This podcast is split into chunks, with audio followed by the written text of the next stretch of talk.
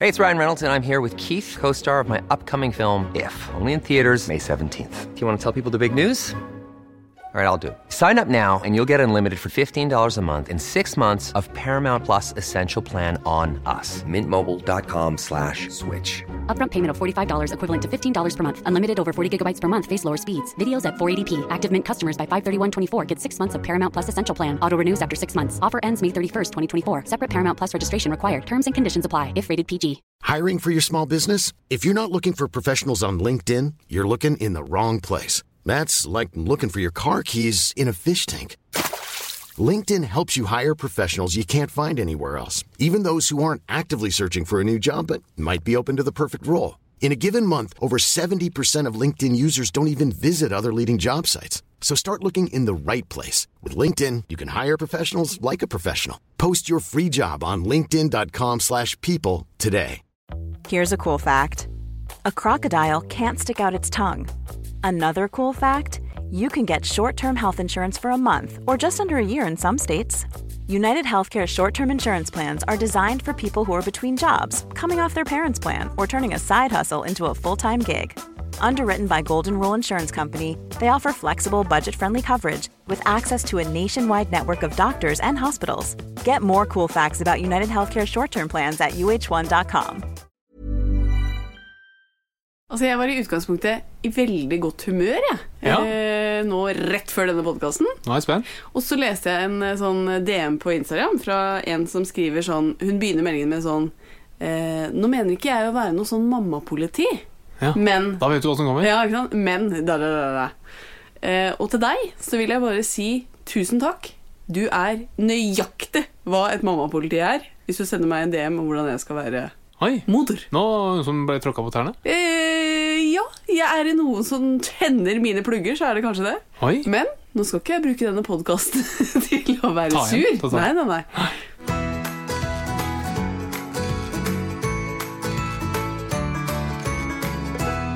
Hei og velkommen til podkasten Åpen journal. Tusen takk. Ja, du er eh, som vanlig med, Harald. Det er jeg. Veldig glad for at jeg fortsatt får lov til å være her. Ja. Veldig glad for at du er her. Min Tusen takk. kjære kone. Og Som det er- har stått opp på litt feil fot i Nei, dag. det har jeg ikke. Nei, det har jeg ikke. Nei, nei. Ok. Eh, Du er som alltid med, men vi har også med oss vår faste annonsør Boots apotek. Det har vi. Og akkurat som oss, så er de opptatt av å gi gode råd og tips. Det er helt riktig. Og tar du turen innom et Boots apotek, kan du være helt sikker på å få hjelp av dyktige farmasøyter og autorisert helsepersonell som hjelper deg å finne løsninger på dine helseutfordringer. Og det å få god hjelp og gode råd når man trenger det, er jo svært tilfredsstillende. Denne høsten så har dere sendt inn veldig mange interessante spørsmål til oss på vår eh, Instagram-konto. Eh, Og i dag så tenkte vi å svare på et utvalg av disse. Det er klart for spørsmålspod! Spørsmålspodden, spørsmålspodden Det høres ut som vi har laget en eh, egen jingle. Ja. Eh, Men vi- det var ikke det. Det var faktisk bare jeg som sa det. Ja, det var det. Men vi skal svare på noen veldig vanlige spørsmål rundt kvinnehelse. Hva er f.eks. endometriose? Eh, Hva kan man gjøre med hårtap hos menn? Hvordan virker egentlig smertestillende? Hvordan vet de hvor i kroppen de skal virke? Eh, Og så skal vi også få svar på om tissing i dusjen kan ha noe helsemessig for seg. Ja. Ja.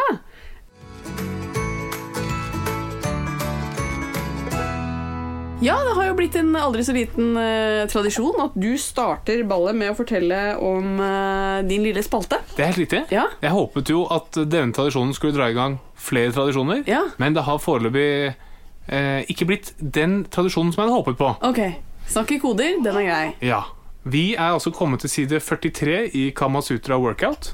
For denne ukens eh, Kamasutra, det er fitness foreplay. Oi! Og der ligger rett og slett mor bare med alt opp i været, og så skal far eh, gyve løs med ansiktet og munnen. Ja. Men du får jo to på forbrenning og tre på fleksibilitet. ja. Forbrenner kvinnen noe i det hele tatt? Hvis Ja, hun for bare det, ligger der? ligger en sånn, eh, det blir jo en sånn isometrisk eh, styrkeøvelse. Ja. Men Hun du, ligger da? Du må jo få masse forbrenning. Bare én på fleksibilitet og én på mm, forbrenning. Å ja. Og etter hva jeg har skjønt på min kone siste uka, så burde jeg ha aktiviteter med litt mer forbrenning enn bare én av tre. Det er ikke jeg som sier det, det er du som skylder på meg og sier at jeg har eh, krympet klærne dine i vask, og da sier jeg at det kan jo være andre grunner til at alle klærne dine har blitt mindre, uavhengig av om de har blitt vasket eller ikke. Det er den ledende teorien Ja. at klærne er blitt vasket på for høy temperatur, og at de derfor kjennes ørlite grann små. Greit. Eh, jeg, f- vi kommer ikke til å bli enige om det der uansett, men jeg syns ikke du er eh, blitt tjukk. Eh, Røslig, sa du i går. Nei, mora di sa røslig. Hun, for jeg, hun sa, jeg sa at Bernhard er jo litt røslig og rund, og så sa hun ja, sånn som faren sin, han er også litt røslig. Koser deg nå. Ja, kose meg.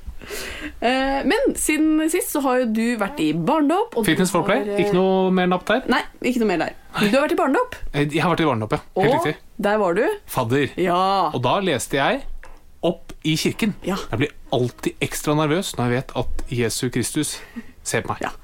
Det som var litt gøy, var at du eh, var jo veldig bæret over å bli eh, spurt om å bli fadder. Ja, Men det er jo vanlig nå at man har flere faddere. eh, Tydeligvis.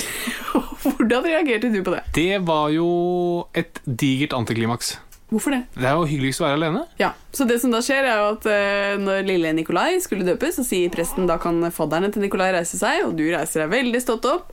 Og så reiser det seg jo en to-tre stykker til, Minst. hvorpå du ser sjokkert ut. Ja, jeg vurderte å sette meg ned i det. Fordi du, du følte at eh, det ansvaret var, eh, følte du deg veldig beæret over å bli tildelt, og når det da var andre som også hadde blitt spurt, litt skuffet. Ja, det er helt riktig. Ja. Men det er jo hyggelig å dele med de som eh, du skal dele med. Og det var bare én fadder som fikk lese opp eh, fra kirken. Ja. Det var undertegnede. Og det tror jeg var fordi de kjenner deg godt nok til at du hadde blitt enda mer fornærmet hvis det var noen andre som fikk gjøre det også. Eller kanskje de visste at jeg kunne en del av de bibel bibelversene fra før av. Det kan hende. Men eh, det var jo da min søsters sin sønn som skulle døpes. Mitt Eh, fadderbarn. Ditt fadderbarn, ikke minst. Ditt fadderbarn. Eh, og han ble jo døpt eh, nå, men vi har jo vært i dåp før, vi, med Bettina som, eh, som gjest. Eh, og det minner meg på da eh, vi var i en dåp, eh, og Bettina Jeg vet hun må ha vært i dåp før vi var der sammen, tror du ikke det? Jo, jeg tror det. Altså, du har jo en søster Bettina som er fantastisk dyktig og flink på veldig mye. Ja. Og så er noen huller. Hun er noen ganger litt distré Ja, veldig distré. og innimellom bitte lite grann klønete. Ja, Så eh, vi gikk jo da og satte oss i kirken i denne dåpen som vi var i for noen år siden. Eh, men Bettina holdt liksom på med sitt, og vi, hun ble liksom borte. Eh, og etter hvert en ti minutters tid så må vi liksom se etter henne, og da er hun godt i gang med å hilse på alle i kirken, for hun tror at alle som er i, i kirken, er der for å være i dåpen til han lille som ble døpt, da. Og Da går hun rundt. Du, deg tror jeg ikke jeg hilser på. Nei, nei, jeg tror ikke jeg hilser på deg heller. Og det tar jo en god 40-45 minutter. Det er å hilse på alle i kirken når det er åtte barn som skal døpes. Ja, Så folk syntes jo hun var eh, veldig hyggelig, da, som ville inkludere alle som eh, var i kirken. Um, men eh, vi mora oss litt med det, da, vi som satt på første rad der. ikke sant? Det var gøyalt. Det var gøyalt. Flere like gøyale historier? Eh, ja, eh, faktisk. Eh, vi har jo vært med i en eh, podkastkonkurranse. En kåring. Ja.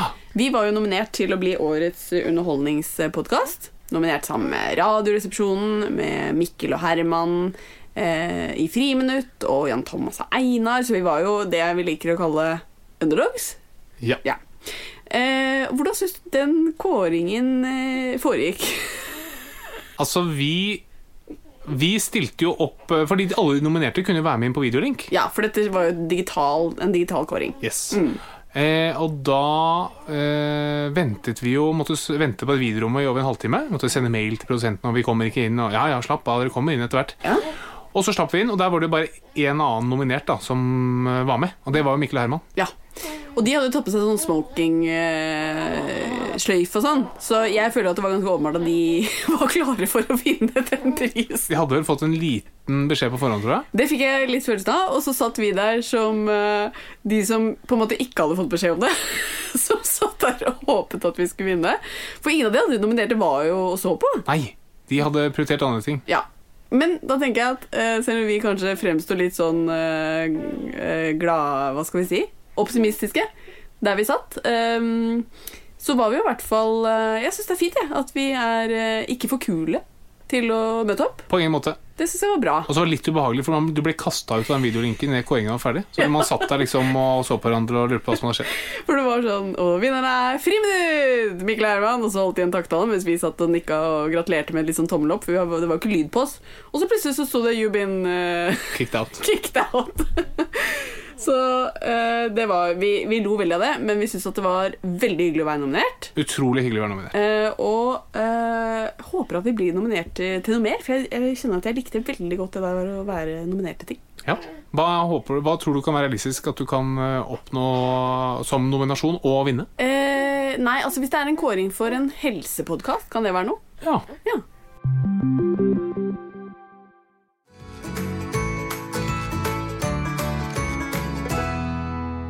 Denne ukens tema er rett og slett spørsmålspod. Spørsmålspad, spørsmålspad, spørsmålspad. Ja, Den var morsommere første gang du tok den. Ok. Ja. Eh, men eh, det er jo kjempehyggelig at dere sender inn spørsmål på Instagram-kontoen vår Åpen journal. Eh, og eh, vi har jo med et lyttespørsmål i hver episode, men denne episoden tenkte vi å dedikere, eller dedisere, hva heter det? Dedisere. Hvorfor det? Dedikere, da er du dedikert til noe. Ja. Hvis du skal, dedi hvis du skal gi noe bort, eller sånn, da er det dedisere. Ok, Hvordan er det å være bedreviter? Det kjennes utrolig bra. Ja.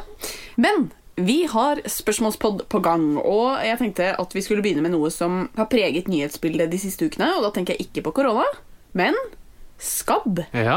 Ja, for de siste månedene så har man sett utbrudd på skoler og sykehjem, og til og med har familien til Funkygine stilt opp og sagt at de har, de har slitt med skabb siden mars i år. Dæven døtte. Eh, og det er en lytter som skriver Jeg fikk brått et ønske om tema, nemlig skabb. Jeg har flere venner som har fått dette i det siste, og nå er jeg dødsredd for å få det selv. Hva skal til for å få det, og er det vanskelig å bli kvitt, sånn som folk sier?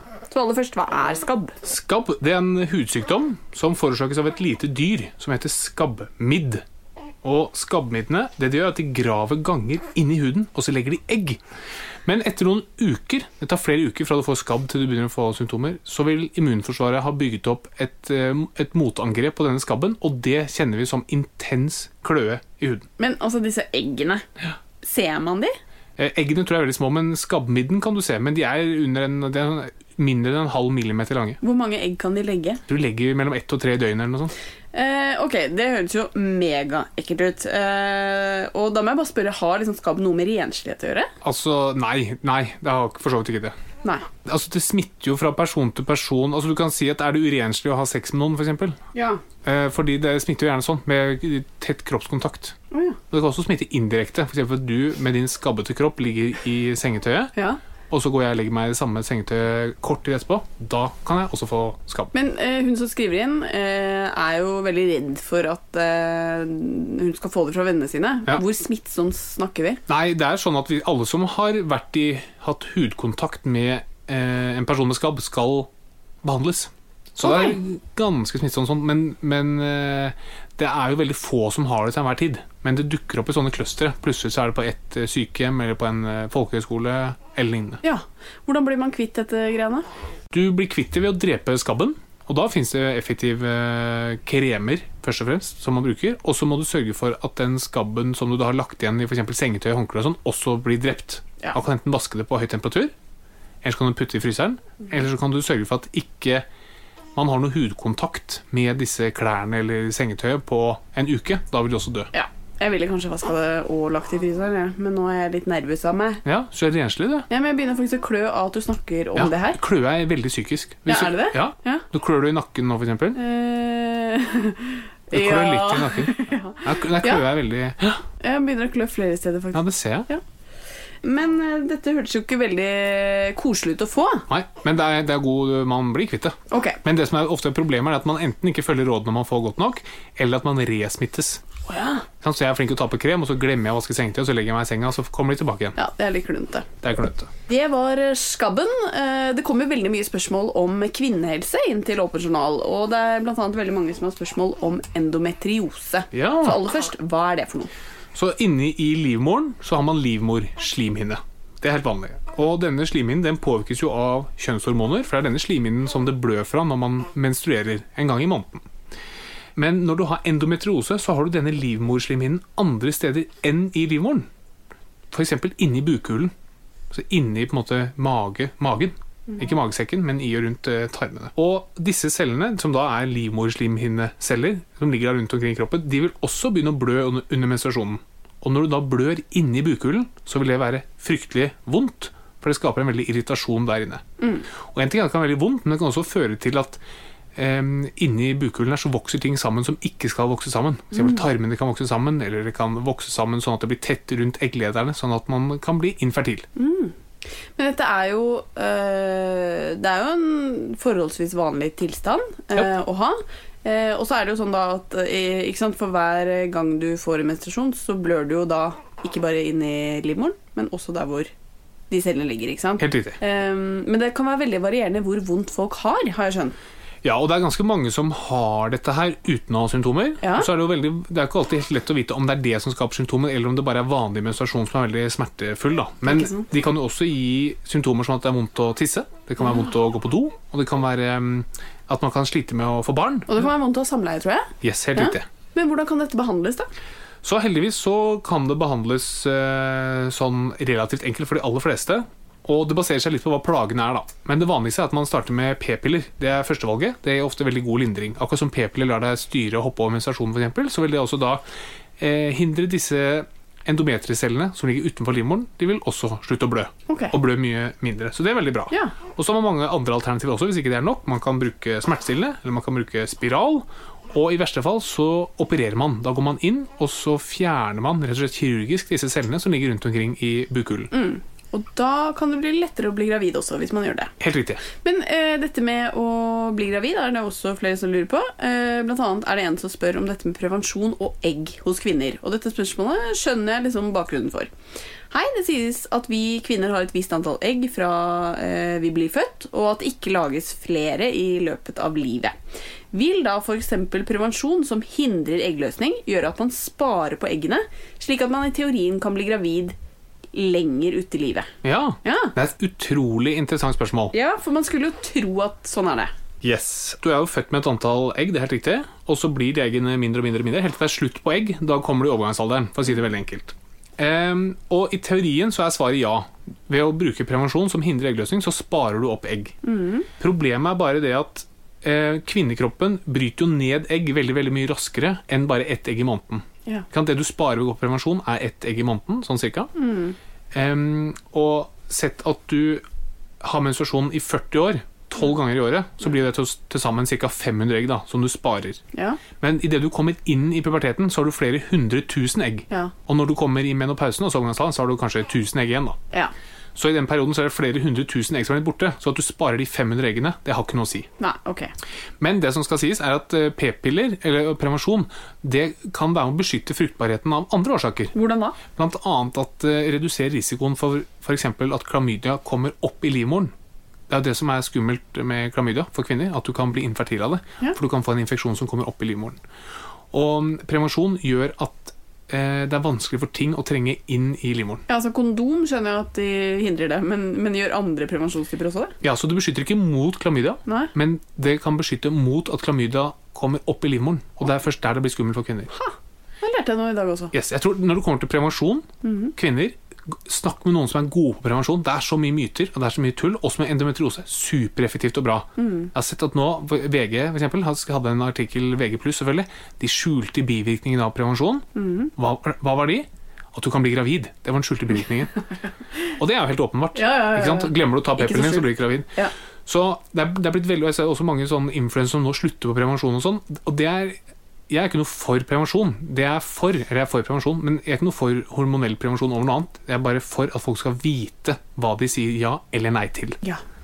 Men ehm, så er det sånn da at mange tar smertestillende, ikke sant? f.eks. ved endometriose. Ja. Og det er en som har sendt inn Hvordan fungerer egentlig smertestillende? Altså, Hvordan vet en pille hvor man har vondt, og fjerner da denne smerten? Ja, så medisiner lages jo sånn at de kun virker på enkelte stoffer i kroppen. Så når du tar medisiner, så vi- går det rundt i hele kroppen. Men de, hvis ikke de finner de stoffene de re- skal reagere på, så bare seiler de videre. Mm.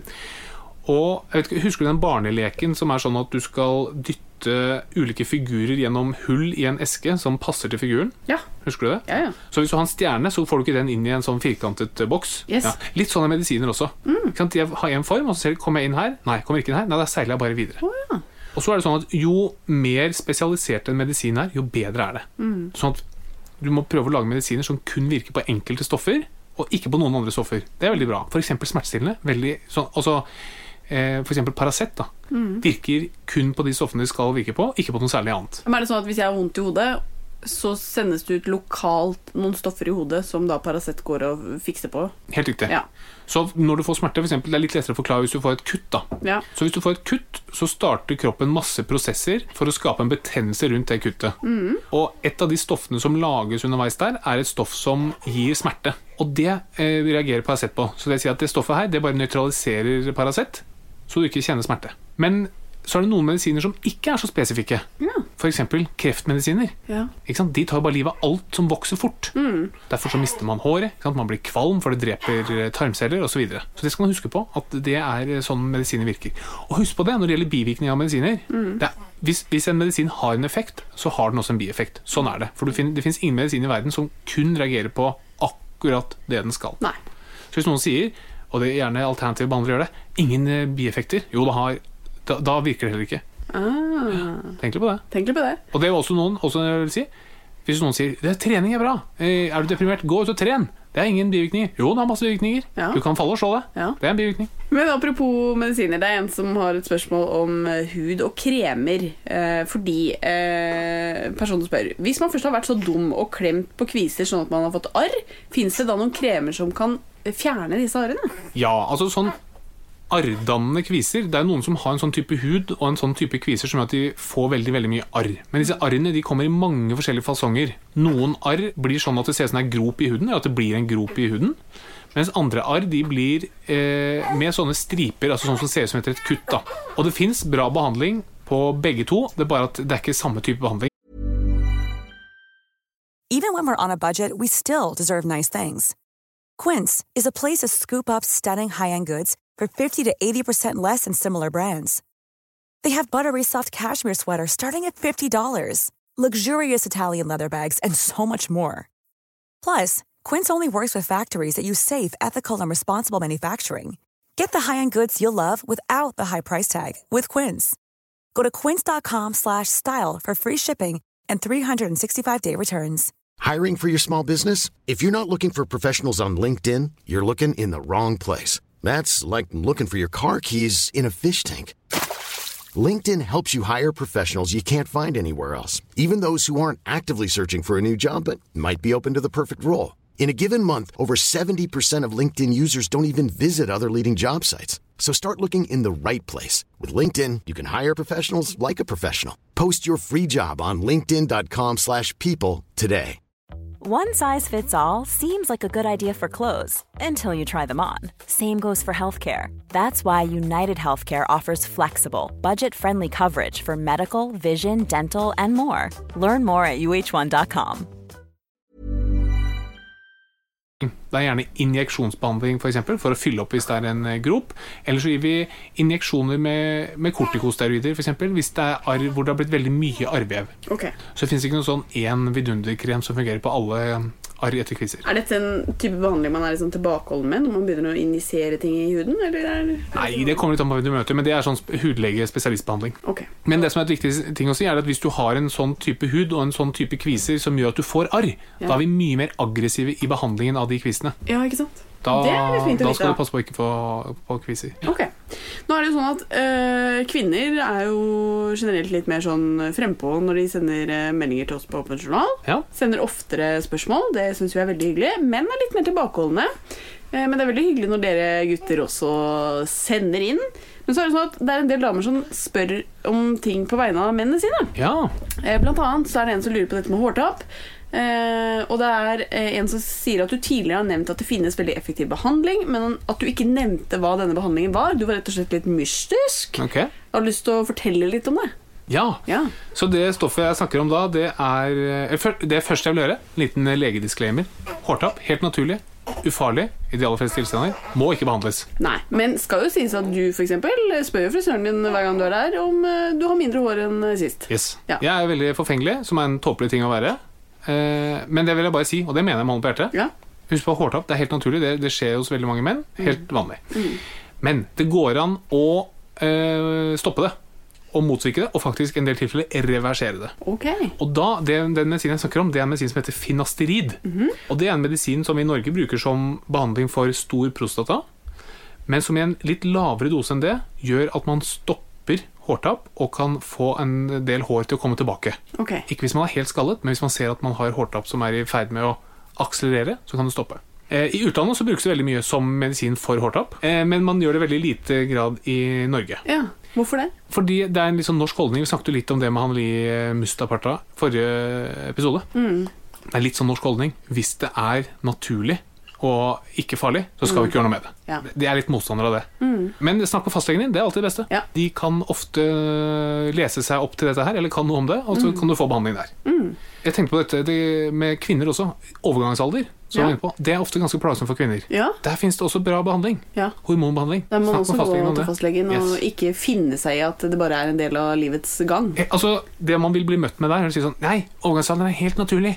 Du skal tåle hettetokter. Jeg er enig i det, men du skal vite at det fins behandling. Og så skal du få være med og bestemme om du skal ha den behandlingen eller ikke. Og så noen sier ja, men det er risiko, du tar de pillene og det er den risikoen. Ja, all medisin har en viss risiko. Igjen for å ta p-piller, da. Husk på at folk sier nei, p-piller er livsfarlig, for du får blodpropp av det. Hvis du ikke tar p-piller, så er risikoen for å få blodpropp to av 10 000. Hvis du tar de verste p-pillene vi har, de med mest risiko for å få blodpropp, så er risikoen 10 av 10 000. Fra 2 av 10 000 til 10 av 10 000. Den er fortsatt veldig, veldig liten. Og jeg er enig at det er ikke vits å utsette folk for unødvendig risiko. Men hvis du kan si til folk at du, du kan regulere menstruasjonen din, du kan hoppe over menstruasjonen din, du får mindre PMS-plager, og du får bedre hud av det, er du villig til å ta den risikoen? Og gå fra 2 av 10 000 til 10 av 10 000?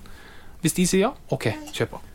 Eh, og apropos menn, vi er inne i eh, Movember. Eh, og apropos prostata. Det er en del som har spørsmål om det òg, skjønner du.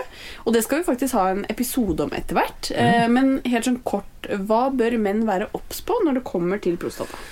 Altså Prostata er en liten eh, kjertel som sitter rundt eh, urinrøret. Og det som er med prostata, er at veldig veldig mange menn får kreft i prostata i en høy alder. Jo høyere alder, jo høyere er risikoen for at du får kreft i prostata. Ulempen er at du får gjerne ikke symptomer før det er for sent.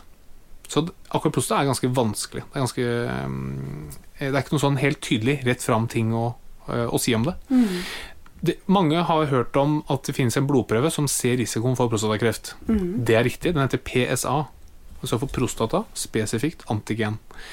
Den blodprøven, den er veldig usikker. Du kan ha prostatakreft, og så er blodprøven lav. Og du kan ha høy, høyt nivå av den blodprøven uten å ha prostatakreft. Det er det som er så innmari vanskelig. Så derfor sier man skal aldri ta den blodprøven før du har virkelig snakket med pasientene om det er noe de vil eller ikke. For det som skjer med ganske mange, er at man går og tar en blodprøve, og så ser man oi, den prostataen den var høy, prostata, altså PSA var høy, her må vi gjøre noe. Og så går man inn, og så må man fjerne hele prostata, og da er risikoen veldig høy for at du blir inkontinent og impotent, og så ser man etterpå æh, shit, det var faktisk ikke så mye kreft her. Altså, det var ikke kreft. Vi burde ikke ha tatt den blodprøven i det hele tatt. Så det er ganske vanskelig. Det som er problemet, er det at ehm, du putter litt ansvar over på pasienten, for du sier 'vil du ta den eller ikke', og det er ikke jeg noe fan av, selv om jeg akkurat sa jeg var det i sted. På disse tingene her så syns jeg man skal som lege være med å ta litt beslutning, da. Ja. Men for å gi noen tommelfingerregler Så det som kan være greit å vite, er har du noe opphopning av prostatakreft i familien, eventuelt veldig mye brystkreft, det kan også henge sammen, da bør du gå og snakke med legen din. Ellers så trenger du ikke å tenke på noen ting før du er i hvert fall 50. Ok. Etter du er 50, ta en prat med legen din. Ja, For da kan de ta en eh, regelmessig sjekk av den Ja. og kjenne på den, ikke sant? Ja, kan du ta den eh, med en finger og kjenne på den. Ja. Dette er selvfølgelig hvis du ikke har symptomer. Har du symptomer, må du gå og sjekke til med en gang. Det er en annen dame som lurer på noe annet på vegne av sin bedre halvdel. eh, og dette er et litt eh, finurlig artig spørsmål, spør du meg. Hei, kjæresten min har fått nyss om den kjente myten Jeg må bare si, denne myten har jeg ikke hørt om. Den kjente myten om at urin hjelper mot fotsopp, og han mener derfor at det er bra å tisse i dusjen, noe jeg ikke er like begeistret for. Jeg har forsøkt å google dette og sett at urea er et vanlig virkestoff i fotkremer. Har denne myten noe derfor eh, for seg, og i alle fall vil det virke forebyggende å tisse i dusjen? Ja, så urea, som det er mye av i urin, et annet ord for urea, det er karbamid. Ja. Og karbamid det er det mye av i masse hudkremer, fordi karbamid gir, bidrar til at eh, huden holder bedre på fuktighet. Ja. Så det kunne vært en teoretisk mulighet for at eh, ved å tisse på føttene dine, så får du litt mer fuktighet i føttene. Men vi bruker ikke noe karbamid i noen særlig grad for å bekjempe fotsopp. Nei. Så jeg må nok si, ja, og jeg har heller ikke hørt om denne myten, for å være helt ærlig. Nei, det var ikke denne. Så jeg tror eh, ikke at det stemmer. Jeg ville ikke tisset i dusjen av den grunn. Ok. Tisser du i dusjen? Eh, nei. Nei, det er jeg veldig glad for, for jeg, jeg er av den typen som i gymtimene da jeg gikk på ungdomsskolen Og Tisset i barne... dusjen? Nei, jeg hadde alltid med sandaler, for jeg syntes det var så innmari ekkelt å dusje der hverandre dusja. Ja, ja, ja. Så det er jeg glad for at eh, du ikke gjør. Og du har ikke fått fotsopp? Eh, nei. Selv om du ikke tisser på føttene dine? Nei, ikke sant? Så, så vi kan kanskje avlive den myten. Ja. Ehm, men så må vi over til noe litt mer alvorstynget enn eh, bare myter om eh, urin i dusjen. For det er jo mange grunner til at man kan være deppa, og i disse dager så vil nok veldig mange av oss tidvis kjenne på en sånn nedstemthet pga. hele situasjonen. Eh, og så er det en som lurer på dette med matlyst og sorg. Dette er en jente som skriver Hei, hvorfor mister man matlysten når man har kjærlighetssorg eller andre former for hjertesorg? Ja, det er flere grunner til det. Og det ene er det at når man er i sorg eller man er deprimert, så har man gjerne litt mindre overskudd. Både mindre overskudd til å lage mat, men også mindre overskudd til å faktisk ta til seg mat, eller spise mat. Og det andre er at når man er i sånne situasjoner, er deprimert, så vil signalstoffene i hjernen være endret. Og de signalstoffene som styrer humøret, er også med på å styre matlysten vår. Så Derfor så er det ofte ganske tett korrelert, og det er en ting vi alltid spør om når vi mistenker depresjon, er å spørre om matlysten er borte. På den annen side så er det noen som regulerer følelsene sine med å spise. Noen kan jo føle seg mer glad av å spise, og da kan, i de tilfellene så kan sorg og depresjon føre til at man spiser mer. Ja, ikke sant? Eh, men du er jo inne på dette med depresjon, at eh, man gjerne spør om matlyst. Og det er veldig mange som ønsker seg en episode om depresjon. Det skal vi absolutt lage. Eh, men en spør hvordan vet jeg om jeg har en depresjon, eller om jeg bare er litt deppa? Ja, og d- da må jeg bare starte med å si at det, det vet ikke vi leger heller. For å si det sånn. Og det, husk på all sykdom, i hvert fall s- psykisk sykdom, går langs en akse, eller langs et spekter, fra å være, kall det, helt frisk på den ene siden, til å være forferdelig syk i den andre enden. Og dette er som et kontinuum. Og på et eller annet sted så må du bare sette en strek, da. Og det man gjør, eh, vi leger også, sier at her er du syk, her er du frisk. Mens i virkeligheten så er det jo ikke sånn. Det er, det er en gradvis overgang. Og det korte svaret er Står følelsene dine i stil til situasjonen du er i? Og hvis de står i stil til det, da vil jeg si at da er det ikke noe depresjon. Men så fort det ikke står i stil til situasjonen du er i, da er det en depresjon. Ja. Og med det så mener jeg, hvis du har vært utsatt for noe forferdelig trist, så er det helt naturlig å være trist. Vi har hatt en egen episode om sorg og snakket litt om dette her, men da vil det nesten være sykdom å ikke være trist. Og så er det sånn, hvor lenge skal man gå med dette her før det går over til å være depresjon, eller altså fra å være normal sorg til å være depresjon? Så kan man selvfølgelig slå opp i oppslagsbøker og si at ja, depresjon det er grensen på to uker. Men alle skjønner det at det er ikke sånn at hvis du er 13 dager og 23 timer lei deg, så er det ikke depresjon. Og i det øyeblikket du er akkurat over, em, over 14 dager, så blir det- blir det depresjon. Men, men det er gjerne det er om det står i stil til situasjonen. Og nå, det, er, det blir mørkt og trist, vi er isolerte, vi ser kanskje mindre av de vi er glad i, vi får ikke reist så mye. Å ha en reaksjon på det vil jeg si er helt naturlig. Ja. Og så må man si, er det sånn at du da, det går utover andre ting også? Er det sånn at ting som før gjorde deg veldig glad, ikke gjør deg glad lenger? Det er et tegn på depresjon. Eller at det ikke er noen ting som em, gjør deg glad. At du syns at alt virker håpløst, også et tegn på depresjon. Vi skal komme tilbake til depresjon eh, etter hvert i podkasten. Men det er jo eh, vanskelig å komme seg unna korona også i en eh, spørsmålspod. For det er jo veldig mange som lurer på dette med vaksiner. Hvordan vil en vaksine mot korona egentlig virke? Ja, så vaksiner, det man gjør, er at man fører en del av det man skal vaksineres mot, inn i kroppen, sånn at immunforsvaret får reagert og bygget opp et forsvar. Laget bl.a. antistoffer, som noen har hørt om. Så det man gjør, man tar et koronavirus, og så svekker man det. Man gjør sånn at koronaviruset Det ser ut som et vanlig koronavirus, men det er ufarlig. Det kan ikke skape noen sykdom. Og så putter man det inn i kroppen, enten et koronavirus eller en del av et koronavirus. Får det inn i kroppen, og så vil kroppen da lage et, et forsvar mot det. Sånn at når du neste gang kommer i kontakt med et ordentlig koronavirus, så sier kroppen ha-ha, deg har jeg sett før. Jeg har masse antistoffer og masse celler som er klare til å drepe deg, og så dreper de deg. Ja, ikke sant? Og det høres jo veldig bra ut, men som du sier, alle medisiner har bivirkninger. Sikkert også den kommende koronavaksinen. Og derfor er det noen som også spør om man bør være skeptisk med tanke på bivirkninger, og at eh, den vaksinen som kommer, vil jo være såpass ny, da. Ja. Ja. Du må være kjempeskeptisk. Ja. Og vet du hvem som er de mest skeptiske til vaksiner? Leger. Leger, ja. Ja. Leger er de største vaksineskeptikerne vi har. Ja. Og derfor så krever legene ekstremt mye dokumentasjon før de tør å si at denne vaksinen er trygg. Mm. Og selv om akkurat denne vaksinen er ny, så er alle ingrediensene gamle. Bortsett fra den ene delen av det viruset. Mm. Ikke sant? Så du bruker veldig mye av det samme, bortsett fra en liten del av et virus. Og det er sånn man gjør med hver nye vaksine man lager. Ja. Så du kan si på samme, som måte, samme måte som hvis Volvo kommer med en ny bil. Så selv om den er helt ny, så vet du at liksom, den baserer seg på de 50 foregående årsmodellene av den bilen. Ja. Ikke sant? Så du vet at ja, ja, men de har jo en track record på å være flinke. Ja, de har bytta den og den delen, men vi alt i alt vet at dette er en trygg bil å kjøre. Så når den vaksinen først kommer på markedet, så ville du følt deg veldig trygg på å ta den. Absolutt. Ja. 100 Ehm, Og det er sånn med leger som er vaksineskeptikere, og jeg er også skeptisk til alt, selvfølgelig, så sier de ok, dere sier at ingrediensene er det samme, dere sier at, eh, at alt er trygt og sånn. Det, det er noe vel og bra, men jeg tror fortsatt ikke på dere. Nei. Dere er nødt til å teste dette her Ja. og vise meg resultatene. Ja. Og hvor mange må du teste på? 10 personer? 100 personer? 1000 personer? Nei, titalls tusen personer er de nødt til å teste på for å se om det er noen bivirkninger som man ikke har klart å tenke seg fram til. Og ikke før det er testet på flere 10 000 mennesker, vil man si ok, nå kan vi gå og se, får disse her noen bivirkninger? Og hvis svaret er på, nei, på det er nei, da sier man at den er trygg. Ja, og når denne vaksinen da først kommer, eh, så vil vi jo at flest mulig skal ta den. Eh, Og da er det også flere som lurer på eh, hvordan blir liksom 2021? Hvordan blir den nye hverdagen når vi har en vaksine? Er det sånn at vi er all good og kan gå tilbake til eh, samme gamle? Eh, ja, det regner jeg med. Ja. at da må vi få utryddet eh, denne vaksinen, i hvert fall i, i de fleste steder, ganske fort. Ja. Og så vil det selvfølgelig være lokale utbrudd overalt.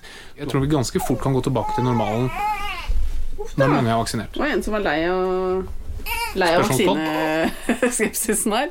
Ja. eh, men eh, det passer egentlig fint, fordi eh, det er klart for quiz.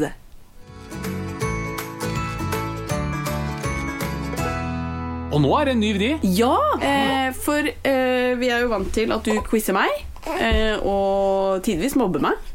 Eh, men siden dette er en litt sånn annerledes pod, eh, med spørsmål istedenfor eh, tema, så tenkte jeg at jeg skal quize deg. Gleder du deg? Jeg gleder meg masse. Hva håper du at den handler om? Jeg håper den handler om supermodeller. At jeg skal se på bilder av supermodeller, og så rangere de. Ja, det eh, kan jeg si at det er ikke så sexy. Det er blant annet eh, Jeg vil si det er tre temaer du er dårlig på. Oi, fins det? Ja, hva tror du det er? Sport, Yes. geografi, Ja. kjendiser. Ja! Er det sant? Ja, du får ikke poeng for det. Men eh, jeg tenker at vi begynner med et eh, litt sånn artig spørsmål om fylker. jeg. Jeg kan bare si det at De som tror at jeg skal lage sånn artig quiz sånn som du gjør, nei. Dette blir en eh, Kjedelig quiz. Ja, ikke kjedelig, men en seriøs quiz. Jøss. Yes. Eh, og noe man bør vite, er selvfølgelig hvor mange fylker det er i Norge nå som vi er i 2020. 11. Det er helt riktig. Er det? Ja! Ehm, det er elleve fylker, for det har jo vært en eh, sammenslåing, og vi har fått nye fylkesnavn. Så da vil jeg at du skal nevne eh, så mange du klarer. Så mange jeg klarer. Ja. Oslo, Ja. Viken, ja. Troms og Finnmark, Eh, ja. Telemark, Nei, de har blitt sammenslått med noe. Telemark og Oppland, Nei. Telemark og Hadeland, Telemark og Disneyland. Nei, det Telemark og Vestfold. Å ja. Ja. Hva heter det? Vestfold og Telemark. Yes. ja. Jeg håper jeg har gått mye penger i den navneprosessen her. Eh, har du flere? Eh, Rogaland, Eh, ja. Hordaland, Eh, nei. Det har blitt sammenslått Midt-Norge, Eh, nei, det er ikke noe som heter Midt-Norge heller. Hordaland og Sogn og Fjordane har blitt eh, slått sammen, skjønner du. hva heter de da? Eh, ja, det vet jeg ikke. Eh, kan det være eh, Vestland? Det kan være. Ja. Du vet Jeg tror ikke, ikke du jeg- heller. Jeg tror ikke du er tjent med at vi graver så veldig mye dypere i denne materien. Men du får eh, faktisk poeng for at du visste at det var elleve fylker, og du Takk. får poeng for at du klarte å nevne ganske mange. Tusen takk. Men bare ett poeng. Ett poeng. Ja. Så du kunne egentlig bare nevnt Oslo. Men det betyr at jeg leder så langt i den quizen. Du leder så langt. Ehm, men vi eh, har jo nylig vært på hytta, eh, som befinner seg i hvilket fylke? Den befinner seg da i Telemark og Vestfold. Eller Vestfold og Telemark. Ja. Men det er ikke poeng. Det var bare et bonusspørsmål. Ok. Eh, I eh, Telemark så er det et fjell som er veldig høyt, og vi har hytte i nærheten, og det heter jo da Gaustatoppen. Hvor høy er Gaustatoppen? 1884 meter. 1883! Det skal jeg ha poeng for. Nei, det får du ikke poeng for. Selvfølgelig får du ikke En poeng for det. meter. Ja, ja, herregud. Ok, du legger premissene for de kommende quizene. Jeg bare Ja. sier det. Så du har to poeng så langt. Eh, nevn en kjent person som er født i Telemark. Sam Eide. ja, det er helt riktig. Jeg hadde håpet at du ikke skulle klare det. Klarer du flere?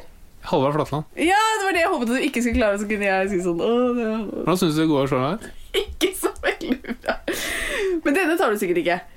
Eh, pappa heier jo på et fotballag fra Telemark, nemlig fra Skien. Odd Grenland. Imponerende! Takk for det. Men det er ikke så gøy for folk når du klarer det. Ok, jeg tror du klarer den her da. Eh, Du er jo ManU-fan, apropos fotball. Eh, Nevn minst fem spillere. Rashford, Ja. Greenwood, Ja. McTominay, Tominay-nay. eh, Martial og De Gea. Ok, men eh, dette går veldig bra. Litt Takk for usikker på underholdningsverdien når quizen i seg selv er litt kjedelig og du svarer riktig på alt. Men jeg kjører på videre. For det kan jo være mange som ikke vet det, så de lærer litt. Det er Aha. fint. Det er mitt mål med denne quizen. Kommer jeg på nå.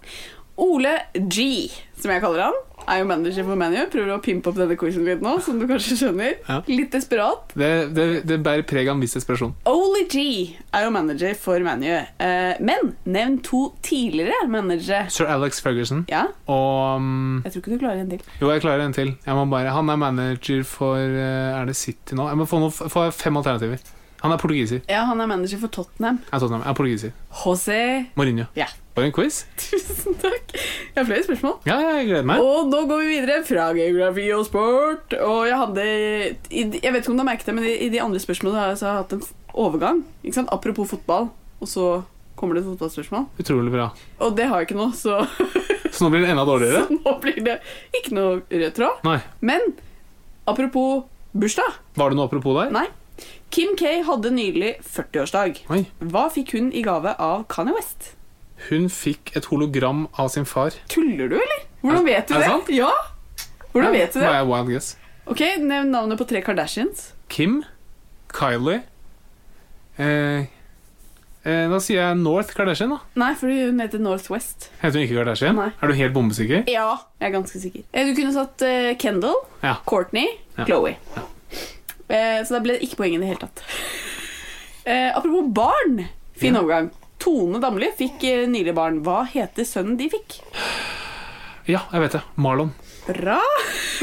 Ikke så bra for min quiz, men bra at du klarer det. Eh, apropos sønn. Vår sønn heter jo Bernhard. Hva Det betyr det, visste jeg. navnet? Det visste jeg. Ja, så bra. Berna betyr hærfører. Nei. Bjørn. Og Stolt. sterk. Var, betyr bjørn? Ja. Nei. Jo. Ja, jeg tror det. Jeg lurer på om det finnes noen navn Fordi alle sånne navn er alltid positivt. Jeg lurer på om det finnes noen sånn Han heter Håkon. Det betyr bæsj på ja. vikingspråket. Det gjør det helt sikkert. I hvert fall Harald. Eh, fordi det var den quizen jeg hadde. Hva syns du? Nei, det blir en soleklar toer. Men hva vant jeg? Vant jeg Fitness Foreplay? Eh, du vant fitness. Det vil si at du må trene eh, tre ganger i uka det neste halvåret. Jøss. For ifølge din mor har det blitt litt røslig.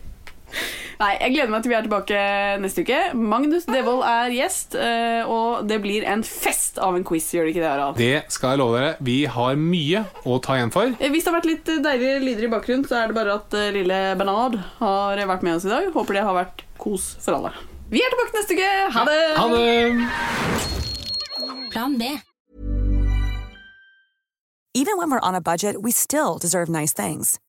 Quince is a place to scoop up stunning high-end goods for 50 to 80% less than similar brands.